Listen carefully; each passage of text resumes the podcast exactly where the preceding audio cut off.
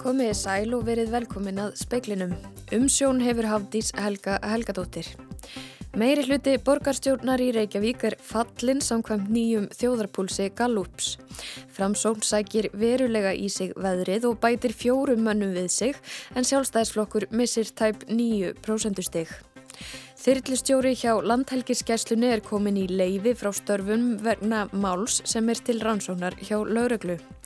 Sjálfkjörið verður í tveimur sveitarfjölugum í sveitarstjórnarkosningum á morgun þar sem aðeins einn frambóðslisti barst. Þetta er í Tjörnesreppi og sveitarfélaginu Skagaströnd. Nýskipaður fórsætisráð þeirra Sri Lanka segir að efnahagur landsins eigi enn eftir að vesna áður en hann tekur að batnaða nýju. Hann reynir að mynda þjóðstjórn til að taka á vandanum. Rafmyndir hafa verið í frjálsu falli í vikunni og ástandið á markaðnum er sagt líkast hruninu 2008. Verði bitcoin hefur minkað um þriðjung. Meiri hlutin sem myndar nú borgarstjórn í Reykjavík er fallin samkvæmt nýjum þjóðarpúlsi Gallups. Flokkarnir fjórir missa nömlega þá tólf borgarfulltrúa sem þarf til að mynda meiri hlutastjórn. Samtals ná samfylking viðreist, píratar og vinstri græn inn 11 borgarfulltrúum. Mestar sviftingar eru á fylgi framsóknar sem bætir við sig fjórum borgarfulltrúum frá því í kosningunum 2018 þegar þeir höfðu engan. Sjálfstæðisflokkur og samfylking eru áfram stærstu tveir flokkarnir í borginni með tæplega 25% fylgi. Samfylking tapar þó einum fulltrúa frá því í kostningunum 2018, viðreist missir einnig einn og sjálfstæðisflokkur tapar tveimur. Miðflokkurinn missir þann eina borgarfulltrúa sem hann fekk í kostningunum 2018. Ekki þarf að kjósa í tveimur sveitarfélögum í sveitarstjórnarkosningunum á morgun þar sem aðeins einn frambóðslisti barst. Þar er því sjálfkjörið. Þetta er í Tjörnesreppi og sveitarfélaginu Skagaströnd. Í Tjörnesreppi er tíelisti Tjörneslistans eina frambóðið og núverandi oddviti aðanstegn Jóð Haldársson bóndi og ketilstöðum í efsta sæti. Þetta eru þriðju sveitarstjórnarkostingarnar í röð sem tíelistin er sjálfkjörinn. Á Skagaströndir sömulegis illisti í bóði, hálisti Skagastrandalistans með Haldur Gunnar Ólafsson, núverandi oddvita sveitastjórnar í fyrsta sæti. Skagastrandalistin var einni sjálfkjörin 2002 og 2010. Það hefur því engin eiginlega kostningabarátt að verða á Skagaströnd síðustu vikurnar. Nei, ekki kannski eins og hún hefur verið framkvæmt viðast hvar en við höfum svo sem sett saman stefnusgrá og hún var borin út í hús í gær og við ætlum að bjóða fólk í vöflukaffi og spjall á, á lögadaginn. Sammenninga viðræður hafa lita kjörtímanbilið á Skagaströnd og tekið mikinn tíma, segir Haldur. Fyrst viðræður og kostningar um sammenningu allra sveitafélaga í Östur Húnavarsíslu sem var feld og síðan viðræður um sammenningu Skagastrandar og Skagabygðar sem ekki leitu til kostninga. Hann segir ekki útilokað að svo sammenning verði áfram til umræðu þessi sveitafélag hafa unnið mjög náið saman í mjög langa tíma þannig að við erum allavega vöna að eiga gott samstarf. Þetta var Haldur Gunnar Ólafsson, Ágúst Ólafsson tók pistilinn saman. Þyrlustjóri hjá landhelgiskeislunni er komin í leifi frá störfum vegna máls sem er til rannsónar hjá lauruglu. Þetta staðfestir Ásker Erlendsson, upplýsingafulltrúi landhelgiskeslunar í svari við fyrirspurn fréttastofu. Samkvæmt heimildum fréttastofu hefur þyrluflugstjórin verið sendur í ótímabundið leifi vegna rannsóknar lauruglu og kæru sem varðar kynferðisbrot utan vinnustadar. Maðurinn hafi verið handtekinn, húsleit gerð á heimili hans og tekinn skýrsla og honum svo sleftaða lokinni skýrslutöku. Forsvarsmönnum landhelgiskeslunar var ekki kunnugt um málmannsins fyrir en eftir að fréttastofa spurðist fyrir um það. Ákveðu var að senda flugstjóran í leifi frá störfum um leið og stjórnendum landhelgiskeslunar barst vittneskja um málið, segir í svari upplýsingafull trúa.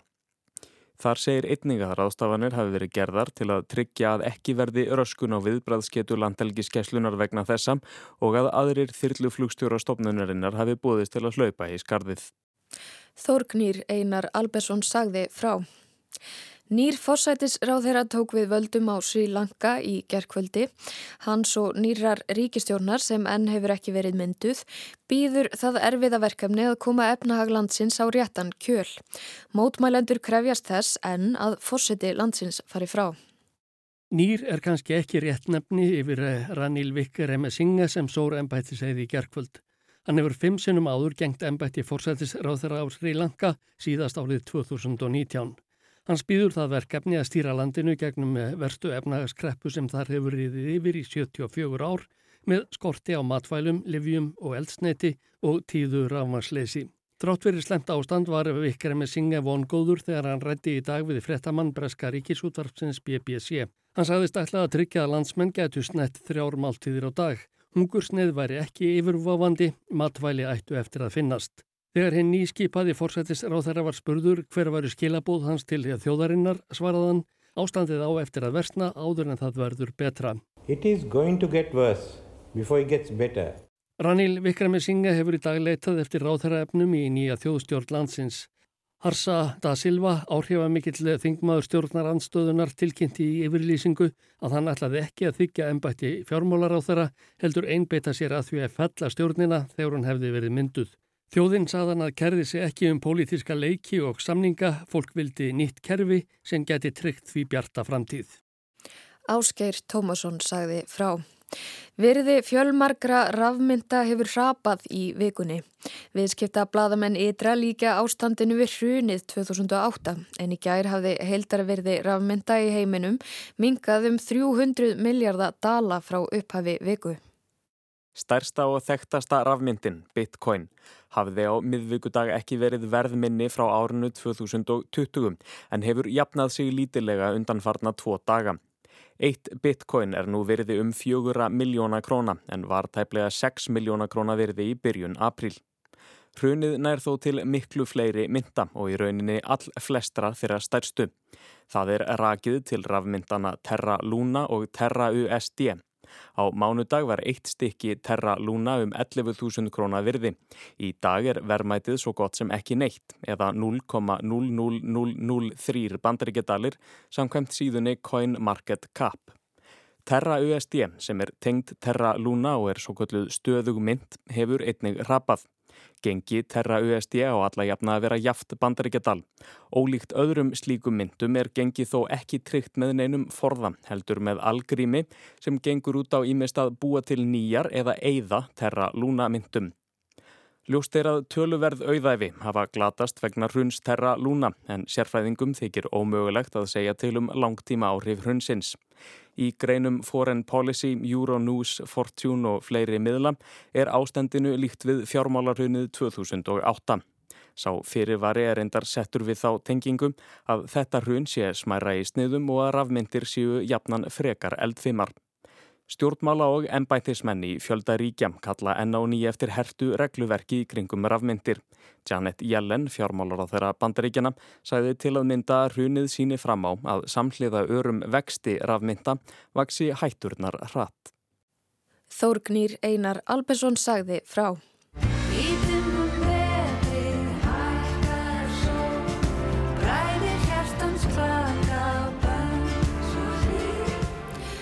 Sistur fulltrúar Íslands í Eurovision verða átjándu á svið í úrslitunum annað kvöld. Ef markam á veðbanka gætu sistur endað á kunnulegum slóðum í kringum 16. sætið. Sem fyrir er úkrænumönnum spáð Sigri, breytum er einnig spáð góðu gengi og líka Svíþjóð Ítalju og Spáni. Samkvæmt nýjum þjóðarpúlsi Gallup er meiri hluti borgarstjórnar fallin og framsóknsækir verulega í sig veðrið með fjóra menn inni. Framsókn náðu engum manni inn í síðustu kostningum. Sjálfstæðisflokkur tapar þá tæp, tæpum nýju prósentustegum. Eva Heiða Önnudóttir er profesor í stjórnmálafræði við Háskóla Íslands. Ef maður horfir á fylgispönninu sjálfa þá er svona kannski tvent sem að stendur upp úr. Það er annars að hvað framslóknirist er að gefa mikið í. Það er 17,5% samkvæmt þessari konun en náði yngum manni inni árið 2018. Og svo er hversu mikið fylgi sjálfstæðarsloknins viðist vera að dala í borginni en samkvæmt konunni viðist að vera að missa haft í 9% steg. En í þessu samhengi er mikilvægt að taka tvent fram. Það er annars vegar það að síðustu ár hafa kannanir svona jafnaði vannmeti fylgi sjálfstæðarflokksins sem að var öfugt hérna áður fyrr. Þannig að þeir eru væntalega aðeins meira inni hérna kannunum gefur til kynna og svo í öðru lægi þegar þetta er greint eftir því hversu ákveðnis kjósundur eru í að kjósa flokkin sem þau gefur þá er tölvist hátt hlut og þeirra sem segist að kjósa framsunarflokkin sem að virða samt sem að ekki vera alveg ákveðnis þannig að það er öfugt miða við til dæmis kjósundur eða þeir sem segist að kjósa sjálfstæðisflokkin eða samfélkinguna til dæmis. Þá getur við búist við því að þetta fylg, rosalega fylgi framsunarflokksins sveiblist kannski hvað mest eða hvað? Já, það virðist vera þannig að það sé kannski, kannski mesta óvissan hjá þeim mm. Eh, miða við til dæmis eh, sjálfstaflokks eða, eða framsókn eða meiri segning á þeirra fylgi. En þetta getur líka bent til þess að samanskapa ef maður horfur á samfélkinguna og, og sjálfstaflokk og nú er ég að tala um þess að nýðistöðu sem voru hérna, tölfræðilega mastakar að það sé lítil hreyfing á ferrafylgi. Ef maður talar um þetta út frá framsvonaflokkum til dæmis per se, þá verður það nefnt að gefa veruleg í samkvæmt eh, þessum könnunum, bæði þessari könnun og þær sem hafa verið komað undan fyrir daga með að við úrslitum 2018. Þannig að þeir eiga alveg sens og eiga tölvertinni en að samanskapi þó svo að samfylging sé að mælast eh, það hægt eh, og, og sjálfstæðarflokkun þannig með rífilega 20% sem er nú alveg ákveðt sniðstaða að þá verður samt sem að vera lítil hreyfing á þeirra fylgjum. Þannig að það mætti alveg stilla í upp þannig að þeir eru kannski samkvæmt þessu sko minna inni meðal þeirra sem er ekki alveg búin að ákveða sig heldur en til dæmis framslunarflokkurinn eða aðri flokkar sem eru að bjóða fram. En sko manni finnst þeim mitt þessi flokkar sem eru núna í meiri hluta ekkert vera að tapa neitt stórkostlega en samt sem áður er meiri hlutin fallin samkvæmt þessu? Já, samkvæmt þessu að þá meiri hlutin fallin þetta stendur mjög tæft Þannig að samkvæmt þessum uh, nýðstöðum er meðlutin fallin með einu manni. Mm -hmm. um, það er að segja meðlutin með 11 af 23 og það með meðlutin fallin. En þetta stendur samt sem að mjög tæft. Þannig að það þarf mjög litla breytingar á fylgjiflokkana frá nýðstöðum þessara konunar til að fjöldi borgarfylgjur breytist og meðlutin haldist mögulega. En svona, sko, ef að niðurstöðunar verða þær sem við erum að sjá eða eitthvað nálagt því sem við sjáum í, í þessari konun, þá eru rosalega margir möguleikar nýjir í stöðunni og hérna getur við jafnvel átt, átt vonu því að framsón fari fram á, á borgarstjóra stól ef, ef þetta verður niðurstaðan það er alveg ómúlegt að segja til um það sko. Allan að því sem að, að ég hef fylgst með í kostningabartuna að þá hefur framsókn í borginni ekki sagt, tala þannig, allan ekki því sem að ég hef séð. Þannig að hvort þeir fari, myndi fara fram á borgarstjórnstólunni eða þeir færi í hérna, meðlita samstafið eitthvað sem að, að ég hef ekki séð neina vísbindingur um en þeir eru klárlega, getur klárlega verið í ákveðinu líkil stöðu um hvaða flokkar færi þá með þeim í borgarstjórn og það var náttúrulega bara spennandi að sjá hvernig spilast úr þessu eftir kostningunar. Segir Eva Heiða Önnudóttir, stjórnmálafræðingur.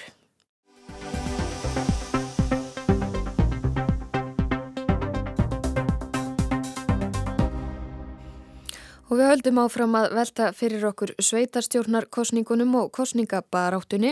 Spennan magnast ekki síst hjá þeim þúsundum sem er í frambóði og eiga mikið undir í því að fanga aðtikli og atkvæði kjósenda. En hvernig hefur það gengið þetta vorið? Jón Gunnar Óláfsson er, er doktor í fjölmiðlafræði við Háskóla Íslands. Maður heyrir það eiginlega fyrir hverjar kostningar að þetta sé nú dauðvara en hafi verið áður og, og þannig að þetta er svona, þetta er kunnulegt stef en ég heyri það mikið í kringum mig að fólki finnst þetta einstaklega dauft í ár og bara rosalega margir óákveðnir og þetta hefur fórlíka svona fyrir eitthvað senkt af stað. Þannig að, að það er einhvern veginn, mér finnst uh, þetta ekki hafa verið kannski jafn áberandi kostningabaróta og auðvitað miklu minna ábyrjandi en eins og til dæmis fyrir alþingiskostningarnar en ef maður ber þetta saman við, við sveitastofnarkostningar uh, síðast og þar síðast að þá finnst mér þetta svona ögn döyfara verði ég að segja. En er það nástaðan við kostningarnar í haust sem gerir það kannski líka því að þá erum við alltaf að tala um landstekkun og svona öðruvísi nálgun hjá frambúðun? Það getur verið ef við hugsaum líka bara um að varðandi alþingiskostningar að þá er auðveldara líka að fjalla um þær í fjölmilum og að búa til svona einföld uh, skilaboð. Uh, líka fyrir alþingiskostningar að þá eru venjulega fleiri skoðanakannanir, fjallaðum þær og viðbröð og, og slíkt og það eru þetta kannanir núna að koma en það eru færri og þær hafa verið mjög mikið í kringum Reykjavík sérstaklega. Það vantar að taka svona punktstöðuna á mörgum, mörgum stöðum. En það sem ég heyri líka mikið í kringum mig er að fólki finnst þetta líka svo keimlikt allt saman og ég heyrði mjög góða svona greiningu á þessum daginn um að þessi kostningalofur að þau væru svona hálgerður kvarði ef maður tala til dæmis um hérna í Reykjavík sem að hefur kannski fengið mesta aðtikli að fólk er svona kannski grunninn sammála um leikila atriði eins og að það þurfi að þjætta byggð, bæta almenningssamgöngur og fleira en það er kannski hversu mikið og svo líka hversu hratt eigi að ráðast í frangatinnar. Það er ekki eitthvað eitt mál eins og var hérna árum áður flugvöllurinn. Þó að eins og með flugvöllin að, að þó að hann sé ennþá á sama stað og, og allt það að þá einhvern veginn er ekki samt jafn mikil umræða um hann og var hérna árum áður. Öll miðlun hefur náttúrulega breyst mikið, miðlun upplýsinga og við erum núna að tala um sveitastjórnarkostningar. Það sem einmitt, maður myndi ætla að það skiptir mjög miklu máli að geta náð beint til þeirra sem þú vilt tala til. Þú ert ekki að tala til allra landsmanna til dæmis, þú ert bara að tala til kjósenda í, í þínu sveitarfélagi. Hvernig byrtist þetta inni á samfélagsmiðlun? Það er mjög áhugavert. Aftur finnst manni kannski þetta ekki jafn áberandi og var fyrir alþingiskostningarnar og aftur af því að líka fólk er frekar sammála um svo margt að þá sjáum við mjög svona, þetta er mjög opinn svona slagorð og fólk er að skrifa svona stöðu uppfæslur og fleira sem er frekar opið. Og það er ekki endilega þannig að að það sé einhver mikill ágreiningur þannig að það sé hægt að koma málum virkilega á flug á samfélagsmiðlum. Töluðum um það hérna fyrir alþingiskostningar að það er þessi umræðum að netið logar og allt fer á fullt og, og þá er það oft tekið upp í fjölmila umræðu og annað en núna er þetta allt svona aðeins aðeins rólera og ef, ef maður rínir í þessi slagorð og það sem að fólk er að segja þá er þetta rosalega opið til tólkunar. Við viljum breyta í Reykjavík eða við viljum Reykjavík sem virkar og svo ég takki aftur dæmi úr borginni á því að það kannski hefur fengið mesta aðtikli að maður getur svolítið sett bara inn í það það sem að manni sjálfum dettur í hug og maður vill þá að virki eða breytist eða séu réttir í leið og, og svo framvegis. Þannig að bara netið er og samfélagsmiðlar heitur óbúslega góð vettvangur til að vekja aðtegli ef það er einhverja deilur, svolítið punkturum minn, en núna er ekkit endilega vola mikið um það. Og maður sér kannski einna helst núna að það er líka bara mikil, mikil áherslu á það að ringja í kjósendur og, og banka og, og spjalla. Og það er kannski eitthvað sem er auðveldara í sveitastjórnar kostningum en, en í alþingiskostningum að það er eins og þú segir, það er meiri nálægð. Og samfélagsmiðlar hafið mitt verið gaggrindir fyrir að íta undir svona skautun í umræðu og líka að þú ferð ekki endilega mikið á dýftina. Þannig að kannski út frá svona líðræðislegum hugmyndum að kannski er það bara betra að það sé verið að spjalla svona í raunheimum innan gæsalappa og, og, og svona ringja og, og taka samtalið Ma, maður verður nú samt ekki alveg laus við, er ekki alveg laus við auglýsingar til dæmis á, á bara Facebook og svo er þetta alltaf að tala um það að það sé svona kynnslóða munur eftir því hvar menn skulun og helst sækja fram. Veist eitthvað um það hvort er einhver, hvernig flokkarnir eru að, að beita sér í auglýsingum til dæmis? Já, ég var aðeins að fletta þessu upp á þann að við sjáum það til dæmis að eh, flokku fólksins og sjálfstæðisflokkurinn framsókn og samfélkingin voru þarna efst þegar ég var að skoða þann og þetta eru þá auglýsingar sem eru verið að kaupa. En svo eru þetta líka, bara ef ég tek sjálf á mig sem dæmi, sem fylgist mjög vel með pólitík, að ég er að, ég er að fylgja mjög mörgum. Og þá er sko mitt Facebook til dæmis bara yfir fullt af pólitík núna, en svo tala ég við fólki kringum mig sem er kannski ekkit vola áhuga samt um þetta. Og það er að sjá lítið sem ekkert. Og það er svolítið erfitt á Facebook að vera með yfirsýn yfir þetta vegna þess að það er hægt að snýða þetta sérstaklega að því við viljum beina auðlýsingum á eitthvað tiltekin hóp. Þannig að það getur vel verið að ég sé að sjá meira frá einhvernum tilteknum stjórnmálaflokkum en, en aðrir jafnaldra mín er á öðrum stöðum á landinu og svo framvegis þegar menn er að tala um kjörsók þá velta menn alltaf fyrir sér hvernig ég að náinn við erum aln upp í svona rótgróin hefð fyrir því að menn, menn mæti á kjörstað og kjósi og en svona menn hafa alltaf áhugjur og viðvarandi og svona sem alveg ástæði til að kjörsók sé að minga eftir því sem að svona áframdregur og hún er minni hjá yngra fólki heldur en eldra og þarf einhver ný meðul? Já, ég hef bara freka miklar áhyggjur af kjörsókninu núna. Ég vona svo innilega að ég hafi ramt fyrir mér en við sáum það, höfum séð að, að það er oft svona eh, einhver átök í gangi til að reyna að hvetja fólk á kjörstaðin. Það er ekki ábyrjandi núna og svo bæti nú ekki að það sé Eurovision. Já, það, menn, það höfðu ekki fyrir um kvöldið sko, þannig að menn vættu nú að vera búinir að fara að kjósa, er það ekki? Já, nú var ég nú að vinna á kjörsta hérna í gamla daga og þá var oft yngra fólki að koma setna, þetta er eitthvað svona sem maður hefur heyrt, þannig að já, kannski þurfum við að fara að eh, vera bara fyrir hverjar einustu kostningar virkilega að leggja áherslu á þetta, af því að ég held núna ef vort ekki að reyna að vinna eitthvað sérstaklega í þessu og þetta er minna áberandi en til dæmis fyrir alþengiskostningarnar og fólk upplifi líka að það sé ekki endilega mikill munur á milli frambúðana. Þetta, þetta gæti verið svona ekki góð blanda fyrir kjörsóknina. En eins og ég segi, ég voni að hafi rangt fyrir mér og sjálfsög hveta alla til að kjósa. Sæði Jón Gunnar Ólafsson, Anna Kristín Jónsdóttir talaði við hann.